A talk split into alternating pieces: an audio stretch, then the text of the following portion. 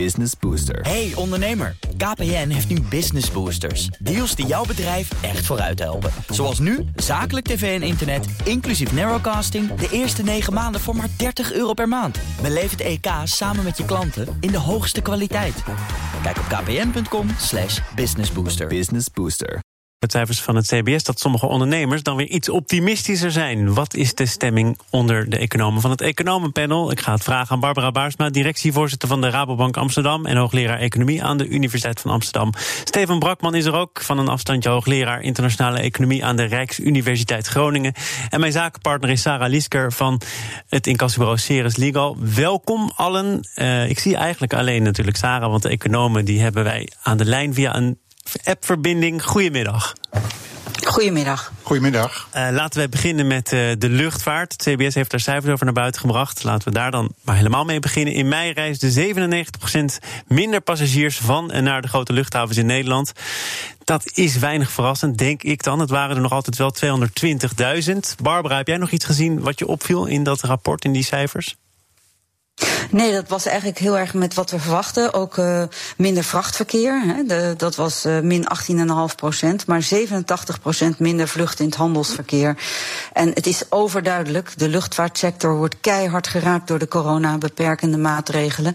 En uh, nu langzamerhand die maatregelen worden afgebouwd. Zie je dat ze niet eens zozeer worden geraakt door die maatregelen alleen. Maar ook door het veranderende gedrag van mensen. Um, nou, dat lees je ook wel in kranten of ziet op televisie. Waar gaat u naartoe op vakantie? Ja, ik ga liever niet. Wegens een pandemie, dan kan ik niet terug. Dus op dit moment leiden de, de luchtvaartmaatschappijen echt ook onder juist die, die wat meer uh, langere termijn uh, gedragseffecten. En daarnaast luchtvaartmaatschappijen die heel afhankelijk zijn juist van die transatlantische vluchten naar bijvoorbeeld de Verenigde Staten of naar Azië. Dat zijn KLM bijvoorbeeld, dat is een Lufthansa. Die zijn juist van die markten afhankelijk. En die zullen pas echt later opengaan, want daar zijn er nog wel coronabeperkende maatregelen. Daar is nog niet duidelijk of passagiers al wel um, naartoe mogen vliegen. Maar zou je dat, dus zou je dat, uh, dat vliegverkeer, dat internationale, intercontinentale vliegverkeer, ook niet gewoon echt weer zien toenemen op het moment dat de Nederlandse overheid uh, de rest van de wereld uh, weer op tenminste geel zet, om maar even zo te zeggen? Nou, ik denk dat dan ook die gedragseffecten. één, je zult minder zakelijk verkeer zien, omdat mensen hebben nu uh, het, het virtueel overleggen ontdekt als een kostenefficiënte manier om, uh, om een groot deel van de vergaderingen, niet allemaal te doen. Dus je mist daar het zakenverkeer. En dat was altijd wel het, uh, degene met de hoogste marges, hè, de laadboekers, maar ook de, hoog, de, de, de grote betalers, de mm -hmm. dure tickets. Um, en daarnaast denk ik juist dat mensen, als ze al gaan vliegen, dat eerder dichtbij doen, omdat ze dan misschien nog met een trein terug kunnen komen als er een lockdown komt in zo'n land. En als je dan aan de overkant van de Atlantische Oceaan zit, dan is dat minder goed terugkomen. Dus ik denk echt dat zij achteraan de rij staan van, uh, van, van uh, ja, de, de, sectoren die weer echt aangaan. En door staatssteun te geven. Um, geef je deze luchtvaartmaatschappijen wel wat ruimte. Maar tegelijkertijd leidt dat wel tot een ongelijk speelveld. Want we hebben ook low-cost carriers. Het, het, woord zegt het al, low cost. Uh, die, die maken lagere kosten. Uh, hadden voor de crisis ook al lagere schuldenlasten en grotere financiële reserves. En zij, zij overleven die crisis ook makkelijker. Dus ze hebben niet zo'n behoefte aan die staatssteun. Ook omdat ze dan niet aan al die voorwaarden vastzitten. Maar het leidt nu wel tot een, tot een ongelijk speelveld. Ja. En eigenlijk vind ik dat in de media mediaberichten wordt heel veel over deze staatssteun gesproken, maar dit aspect komt niet terug. Die low-cost carriers die opereren vooral binnen Europa. En die markt die gaat zich waarschijnlijk als eerste herstellen. Uh, en ik zou dan ook zeggen, wil je het minder ongelijk maken, die, die, die effecten van die staatssteun, had dan als extra voorwaarde bij die staatssteun gesteld dat de, de staatsgesteunde maatschappijen als KLM, maar ook Lufthansa, uh, echt minder korte afstandsvluchten doen. Die kun je of door de trein laten vervangen nou, of door KLM dit soort dat overigens, overigens wel zelf ook gezegd, hè, dat het een serieus alternatief moet worden om voor korte vluchten niet een vliegtuig, maar een trein in te zetten. Ja, wel, dat hebben ze wel gezegd in de persconferentie. Maar het staat, voor zover ik kon nee, nagaan, niet, als voorwaarde. Niet, uh, in de ondertekende brief, nee, in de voorwaarden. Uh, Steven, uh, je hoort het af en toe wel bijvoorbeeld CEO's van zo'n low-cost carrier zeggen. Ryanair is het bekende voorbeeld van een paar maanden geleden al. En die man is nog altijd wit heet over het ongelijke speelveld dat, dat ontstaat. Subsidiedoping, staatsdoping noemt hij die staatssteun. Heeft hij gelijk? Nou ja, dat is de vraag. Kijk, de, Rekenkamer die heeft daar een uh, rapport over uh, uitgebracht. Uh, dat je toch heel goed moet kijken als je staatssteun geeft. En eigenlijk kom je dan op een heel bekend terrein waar economen altijd heel zenuwachtig van worden. dat, en dat is het terrein van de staatssteun. Ja, waarom steun je het ene bedrijf wel en het andere bedrijf niet? En dat, dat is een belangrijke vraag. De Rekenkamer die loopt een heel rijtje van voorwaarden af om dat te beargumenteren. Nou, of dat hier gebeurd, gebeurd is met de KLM, dat, is niet helemaal duidelijk. Maar je moet inderdaad uitkijken. Dus op zichzelf dat bedrijven klagen die geen steun krijgen. Uh, en dat ze dat oneerlijk vinden voor ten opzichte van bedrijven die wel die steun krijgen. Ja, dat is heel, heel duidelijk. Die, vlieg, die, die, die vliegwereld die was natuurlijk sowieso al, stond die erg onder druk. Uh, er was denk ik toch wel sprake van overcapaciteit. Hè. Die, die vliegtuigmaatschappijen die concurreren elkaar op elke vierkante centimeter. Op, op allerlei terreinen, intercontinentale vluchten, vluchten op kortere termijn. Dus die, er was denk ik toch ook wel sprake van overcapaciteit. Zeker als je bedenkt dat iedereen toch wel naar het milieu kijkt. Dus, maar, maar waarom is het wat jou betreft de vraag of die man van Ryanair een punt heeft, ja of nee? Want het is toch ongelijk dat een bedrijf dat zelf in staat is om te overleven, een goede buffer heeft, veel geld verdiend heeft, uh, dus zonder die staatssteun redt. En een misschien wel failliet bedrijf, als je de staatssteun zou wegtrekken, door diezelfde staat overeind gehouden wordt. Dat is precies de, de, de vraag en ook de, het punt wat de Rekenkamer uh, naar voren brengt. Is de KLM, dus we hebben het nu eigenlijk over de KLM, verdient die staatssteun? Nou ja, dan moet, je, dan moet zo'n bedrijf aan een aantal voorwaarden voldoen. Is het essentieel voor de Nederlandse economie? Dus de, men vindt dat staatssteun in noodgevallen mag. Dus in principe liever niet. Hè. Bedrijven moeten zichzelf kunnen redden. Ja. Maar als een bedrijf uh, essentieel is voor, voor de economie, dan mag het wel. Denk aan de banken die uh, tien jaar geleden gered zijn. Ja, die zijn zo cruciaal voor het functioneren van de economie uh, dat daar eigenlijk niemand over twijfelde. En bij de KLM is, ligt dat wat ingewikkelder. Ja. Maar hoe belangrijk is de KLM nou voor de Nederlandse nou ja, Daar nou, heeft Wop Koekstra zich volgens mij begin maart al over uitgesproken. Hè? Hij heeft toen eh, eigenlijk vrij snel, toen corona om zich heen sloeg in Nederland... laten weten dat wat hem betreft volgens mij KLM kost wat kost overeind gehouden zou worden, Barbara. Ja, maar, maar denk, mag ik één voorbeeld noemen? mag, ik één, mag ik één, voor, ja, één voorbeeld even, noemen? Dat, ging over, dat ging over Fokker. Dus destijds kreeg Fokker ook staatssteun. Nou, iedereen vond het terecht. Het was een essentieel industrie voor Nederland. Uh, anders zouden we zelf uh, geen vliegtuigen meer bouwen. Gek genoeg bleek, dus het argument was clustervorming, essentieel voor de toeleveranciers. Gek genoeg bleek toen Fokker failliet ging, dat die toeleveranciers, uh, die waren ineens vrij ja. om andere afnemers te vinden. Dus die Fokker bleek gek genoeg eigenlijk een molensteen te zijn. Zeg maar, die, die toeleveranciers moesten dansen naar de nukken van Fokker. En toen Fokker failliet ging, bleek dat cluster, wat als argument gold voor staatssteun, veel vrijer te zijn en veel, veel, uh, veel meer tot zijn recht kon komen toen Fokker weg was. Nou, dat soort, dat, dat soort overwegingen speelt hier natuurlijk ook een rol. Hoe essentieel is de KLM nu eigenlijk voor Schiphol? Nou ja, daar, daar, kun, je, daar, daar kun je toch wel vraagtekens bij zetten. Barbara? Maar dat is ook het argument dat uh, Hop, uh, uh, Bob Hoekstra, maar ook Wiebes aanhalen in hun brief. Uh, want die geven aan, tegenwoordig heten clusters overigens ecosystemen. Er zijn in die brief wordt, wordt een aantal argumenten genoemd. Als het grote ondernemingen zijn die in een cruciale positie in een ecosysteem bekleed, dat is de eerste. Tweede is een omvangrijke bijdrage aan maatschappelijke uitdagingen. Uh, en ten derde, of, of ze hele grote werkgelegenheidseffecten hebben. Wat zij betogen, is dat aan alle drie die zaken voldaan wordt.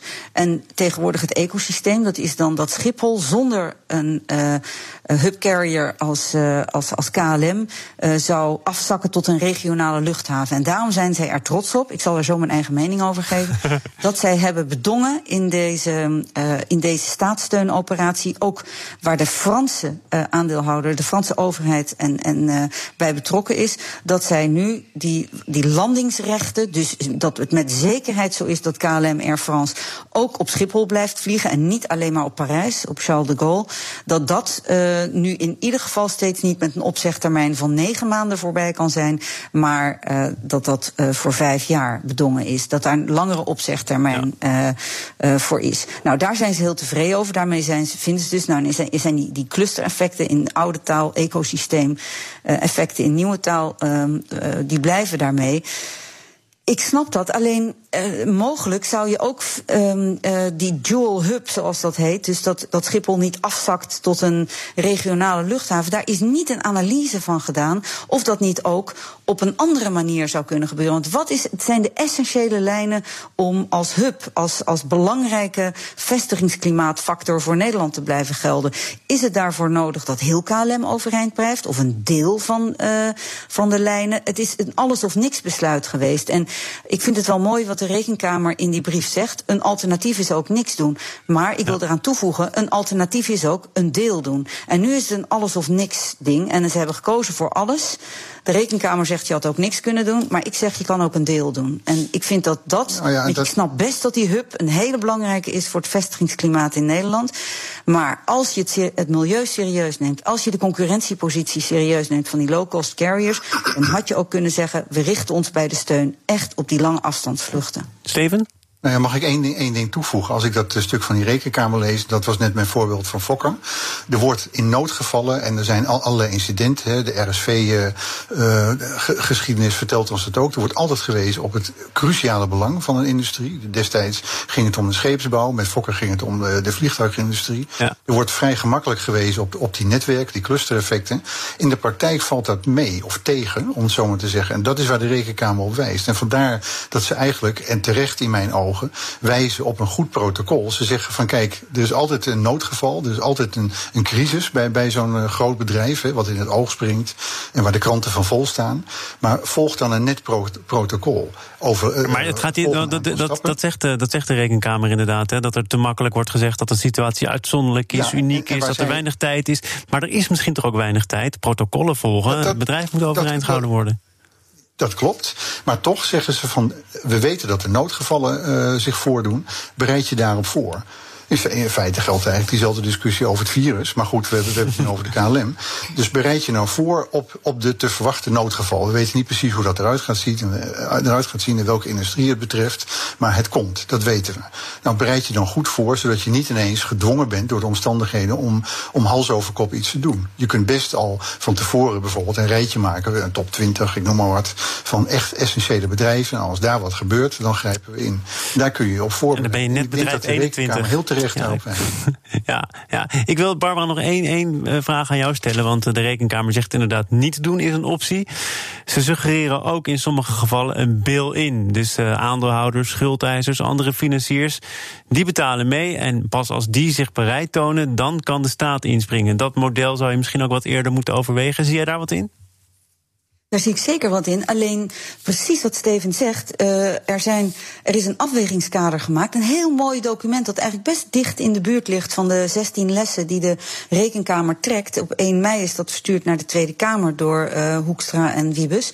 Alleen ze lopen dat afwegingskader zelf niet af. Dus het is onduidelijk in hoeverre uh, de aandeelhouders, de vermogensverschaffers, toeleveranciers en andere stakeholders hier wordt gevraagd om ook een duit in het zakje te doen. Het feit dat uh, de huidige 3,4 miljard staatssteun, die voor een miljard bestaat uit een lening vanuit de overheid rechtstreeks, achtergesteld is, ja. doet mij wel de wenkbrauwen fronsen van, oh, je overheid, je stelt je dus achter alle andere financiers. Welke, waar staat dat in het afwegingskader? Waarom is dat? Dus ik, ben, ik vind een bail-in hier uh, uh, zeer redelijk klinken, maar ik zie hem niet in deze maar komt hij nog dan? In de brief. Zit hij nog, uh, zit hij nog in de pen? Is dit een eerste op? Uh, wordt dit nog verder uitgewerkt? Of is dit gewoon al een aanbod klaar en uh, er wordt dus niks meer gevraagd nu van die andere schuldeisers? Nou, ik weet niet, misschien komt in het Kamerdebat hierover nog het een en ander naar boven. Of een journalist die hier eens een vraag over stelt. Ah, een goede journalist die een vraag moet stellen. Ook okay. altijd. Nou, ik, ik, ik, ben, ik ben het helemaal met,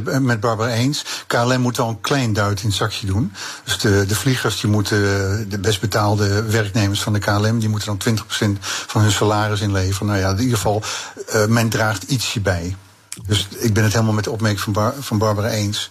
Achtergestelde lening, dat vind ik ook vrij op opmerkelijk in, de, in dit, uh, dit hele verhaal. Zaken doen. Het economenpanel is de gast en dat bestaat uit Barbara Baarsma, Steven Brakman en mijn zakenpartner Sarah Liesker. En ik wil het met jullie hebben over het laatste rapport van het IMF, waarin uh, behoorlijk wordt gesomberd over de nabije toekomst en ook het herstel van de wereldeconomie. De krimp komt uit op uh, bijna 5% maar dan heb je de hele wereld meegenomen. In uh, afzonderlijke continenten kan het nog steviger eraan toegaan. En dat is een somberder voorspelling dan eerder werd gedaan, Steven. Toen was het volgens mij nog 3% in april, niet eens zo heel erg lang geleden. Waar zit dat verschil in?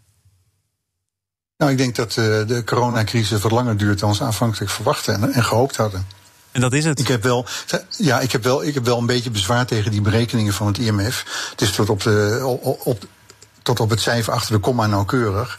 Nou, ik vrees dat we dat niet kunnen doen. Dus ons eigen Centraal Planbureau doet het het handiger. Die werkt met scenario's. Mm -hmm.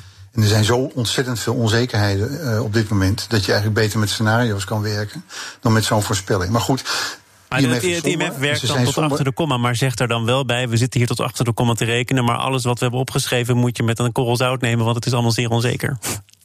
Ja, dan zou ik ook iets uh, grofmaziger te werk gaan. Dus uh, hou rekening met een zwart scenario en dan een minder zwart scenario. Maar goed, het feit is dat ze somberder zijn dan, dan een, uh, een maand of wat geleden. Uh, en ik denk dat ze daar wel gelijk in hebben. Dus de, de coronacrisis duurt wat langer. Uh, slaat ook harder toe in uh, de Verenigde Staten dan we gehoopt hadden. Daar, daar breekt het eigenlijk nu go goed los. Dus ik denk dat we toch nog een hele tijd met dat virus te maken hebben. Uh, men is bang voor die tweede golf. Dus ik denk te, dat het IMF terecht voorzichtig is met de voorspellingen. Ze zijn in die zin, om het niet helemaal somber te maken, uh, ze zijn voor het volgende jaar redelijk optimistisch. Ja. Ietsje minder optimistisch dan ze waren. Maar ze verwachten toch wel groei, groeicijfers van uh, nou ja, 5% voor de wereld en zo'n dikke 7% voor Nederland. Maar waarom eigenlijk? Dat Want dat zie je in heel veel rapporten toch. Van volgend jaar wordt het beter. Maar is dat nog ergens op gebaseerd? Een vaccin. Dus als dat eenmaal, uh, ja. als we dat hebben, of dat we er goed mee overweg kunnen gaan met het virus. Kijk, die tweede golf die gaat ongetwijfeld komen. Maar we zijn nu allemaal gewend aan handen wassen. Uh, en, en, en onze handen ontsmetten als een winkel ingaan. Dus hopelijk is die tweede golf wat minder uh, ja, minder groot dan de eerste golf die we net achter de rug hebben. Ja. Overigens, Barbara zegt het IMF dan ook nog dat overheden stimuleren, dat ze dat voor een belangrijk deel ook moeten blijven doen. Maar tegelijkertijd komt dan de waarschuwing: ja, let op de schulden, want die bereiken een historisch hoog niveau. Wat, wat is daarin de juiste balans? Ja, dat is heel moeilijk om zo even algemeen te zeggen, want het, dit rapport gaat over de hele wereld. Maar uh, kijk, dit zal niet op Nederland gericht zijn. Uh, Um, maar dit zal meer op bijvoorbeeld landen in Zuid-Europa gericht zijn. Of, of, of op, op, andere landen waar, het echt, uh, waar de schuld echt, echt heel erg hoog dreigt te worden. En het structureel groeivermogen van een land aan de lage kant is. Maar um, ik denk, er staat wel een mooi plaatje in dat rapport voor de luisteraar die, die tijd heeft om dat allemaal op te zoeken. En dat is een plaatje waarbij ze precies wat er net gezegd wordt, die diepe, die, die, die, die, die, die diepe V, zeg maar, uh, die er in het eerste en tweede kwartaal is, en ook voor sommige landen in het derde kwartaal. En dan het herstel volgend jaar. En dan zie je dat China is eigenlijk het enige land waar ze echt zo'n V voorspellen. En als je dan naar de wereld kijkt, wordt het al meer nou, een, iets meer richting de, de, de liggende L. En voor um, de advanced economies, laten we zeggen, uh, de ontwikkel, dus, dus Noord-Amerika, Europa enzovoort, daar wordt het al steeds meer die liggende L. Dus daar zie je dat het herstelvermogen minder groot is. En ook overigens uh, de, de, de, de, de dip veel dieper dan in, uh, in, de, meer in de minder ontwikkelde landen en, en de emerging markets en ontwikkelingslanden. Dus dat, dat vond ik wel een heel opvallend plaatje waar dat in één blik duidelijk is is. Ja, en ja, dat, uh, ja, ik denk dat voor Nederland langzamerhand geldt dat wij uh, tussen het stutten van de economie dat we nu aan doen zijn. Um, en op een goed moment zijn we klaar met dat stutten.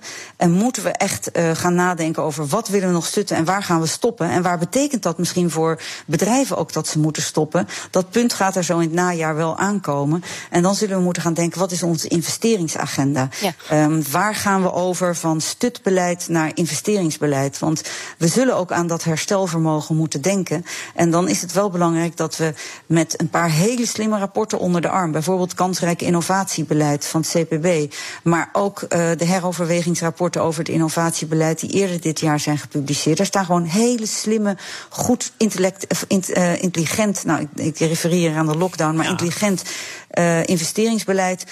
dat is daar gewoon. En ik vind langzamerhand dat we in Nederland Uh, niet alleen de economie gaat nu open, maar ook wat mij betreft het soort van steun. We moeten weer naar de lange termijn, naar productiviteitsverhogend beleid. En niet alleen naar stutbeleid. Dus ik zou ook uh, het, het IMF-rapport, hoe pessimistisch ja. ook, wel in dat opzicht zo willen lezen. Sarah. Nog ja, een, een andere vraag over uh, die berekeningen. En ook een beetje op Europa en op, op Nederland gericht. ik las vandaag weer voor het eerst dat de onderhandelaars bij elkaar komen in Brussel over de brexit verder te overleggen.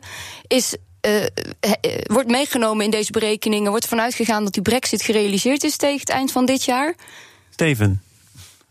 Nou, dat is een hele goede vraag. Dit zijn eigenlijk de PM-posten bij, uh, bij alle onzekerheden die we, die we net al besproken hebben. Dus we, we zitten met het virus, nou we weten niet precies hoe het afloopt. Nou, de wereldeconomie heeft nog meer uh, onzekerheden. Dat is de brexit. Uh, of dat goed gaat aflopen, de, dat is helemaal onbekend. De onderhandelingen lopen stroef, dus dat, dat weten we wel. Dan wordt het een harde brexit. Nou, dat is heel vervelend. We hebben ook nog iets anders. Donald Trump die uh, wil herverkozen worden. Dan weten we ook niet precies wat hij gaat doen. Nou, het enige wat hij makkelijk kan doen is tarieven invoeren. Dus je hebt ook kans dat hij daar weer actief wordt. Hè? Dus tarieven in de richting van Europa en China. Om zijn herverkiezingen zeker te stellen. Dus met dat dit soort dingen in het achterhoofd. Uh, ja, zijn al die, al die ramingen die we net bespraken eigenlijk nog veel onzekerder. Ja, want dat zit er niet in. Hè? Volgens mij zegt het IMF uh, en, en ook andere instu uh, instituties hebben dat gedaan. Ja, de, de risico's zijn er wel degelijk. Als het handelsconflict weer opleidt, als Brexit misgaat, ja. als er een tweede golf komt. Allemaal grote factoren die nog niet zijn meegenomen in deze toch al relatief sombere cijfers. Absoluut. En denk aan het europrobleem. Dus de schulden in Zuid-Europa die nemen wat sneller toe dan in Noord-Europa. Nou, hoe kijken de financiële markten daar straks tegenaan? Ja. Het uh, virus wat op, En ik denk dat. dat nou, ja. um... oh, sorry. Nee, Barbara? We zien elkaar niet, dat is moeilijk dan. Nee, Barbara, maar jij hebt het woord. Ik, ik zie jullie ook niet, okay, maar okay. Uh, ik geef Barbara nu het woord. Ja. Nee, ik wil ook iets positiefs zeggen, namelijk, want er waren vandaag ook nog cijfers. Het IMF-rapport was vorige week. Vandaag kwamen er van het CBS Nederlandse cijfers over het producentenvertrouwen. Ja. En je ziet dat dat producentenvertrouwen is, uh, uh, had de laagste waarde ooit in april 2020. Stond er op min 28,7. Ging iets omhoog in mei, naar min 25 nog wat. Maar is nu, heeft de grootste verbetering sinds CBS dat producentenvertrouwen meet gemaakt. Naar nog altijd min, dat wel, min 15,1. Min 15, uh, dat is toch altijd nog heel serieus, of niet? Want je... Ja, want, want langjarig is het plus 0,6. Maar wat ja. ik aangeef, wat ik wil, het, het vertrouwen neemt weer toe. Uh, ondernemers die actief zijn in, in de, wat dan heet consumentengerichte sectoren, die zijn ook wat minder negatief. Dus detailhandel, de hotels, restaurants, reisbranche enzovoort. Maar wat ik, wat ik, waar, waar ik bang voor ben, ik ben geen viroloog, dus ik weet niet of die tweede golf er wat pandemie betreft komt. Maar ik weet wel dat er een tweede economische golf komt. En daarom vind ik dat investeren ook zo belangrijk om dit vertrouwen hoog te houden. Want Um, heel veel bedrijven hebben of een uitstel gekregen van aflossingen, misschien ook soms rentebetalingen, hebben meer leningen, overbruggingskredieten, BMKB-C-regelingen um, uh, uh, genomen de afgelopen maanden. En straks in het najaar is die aflossingsvakantie voorbij. Straks in het najaar moeten ze dat weer terug gaan betalen. Um, hoop ik dat ze in de zomer in de anderhalve meters uh, economie genoeg vet op de bot hebben gekregen om ook die extra leningen die vaak pas je hoeft te gaan terugbetalen ook na een aantal maanden, we ze dan terug kunnen betalen. Met andere woorden, ik maak mij op voor een hete herfst. Wilde je nou wat positief zeggen of niet? De boodschap verandert een beetje. Ik wilde wat positief zeggen over het producentenvertrouwen. Maar ik wilde wel waarschuwen dat wij met z'n allen weten dat een dat we met die steun bedrijven overeind hebben gehouden. Maar dat was uh, uitstel in sommige gevallen geen afstel van, uh, ja, ik wou bijna zeggen executie, maar faillissement en banenverlies. Ja, er komt sowieso een enorme faillissementsgolf aan. Daar ja, dat is natuurlijk Ja, dat denk ik. En juist ja. daarom is het zo belangrijk om nu om, om niet alleen maar te blijven stutten, maar om dan te investeren. Want dan kan je ook, is het, is het herstelvermogen van onze economie in die sectoren, in die bedrijven die wel gezond zijn, die wel kunnen doorstarten en banengroei kunnen realiseren, is nu zo essentieel om die klappen in die sectoren die we ook al hebben ze gestut er niet doorheen kunnen helpen, om dat op te vangen. En daar wil ik, dat, dat is dan positief toch als einde, want we kunnen er wat aan doen als we willen. Mooi. Een mooi uitroepteken achter dit economenpanel. Barbara Baarsma, directievoorzitter van de Rabobank Amsterdam... en hoogleraar economie aan de UvA. Steven Brakman, hoogleraar internationale economie... aan de Rijksuniversiteit Groningen. En speciale dank aan mijn zakenpartner van vandaag... Sarah Liesker van Ceres Legal. Fijn dat je er was. Dank je. Morgen dan is hier Marga Klinkhamer. Zij is operationeel directeur van Loetje... over de coronacrisis die er flink inhakt... en de toekomstplannen van het biefstukken imperium. In BNR Zaken doen dus. Morgen zometeen eerst Nieuwsroom... onze dagelijkse podcast van het FD en BNR, gepresenteerd door Mark Beekhuis. Veel plezier, tot morgen. Business Booster. Hey ondernemer, KPN heeft nu Business Boosters. Deals die jouw bedrijf echt vooruit helpen. Zoals nu, zakelijk tv en internet, inclusief narrowcasting... de eerste 9 maanden voor maar 30 euro per maand. Beleef het EK samen met je klanten in de hoogste kwaliteit. Kijk op kpn.com businessbooster. Business Booster.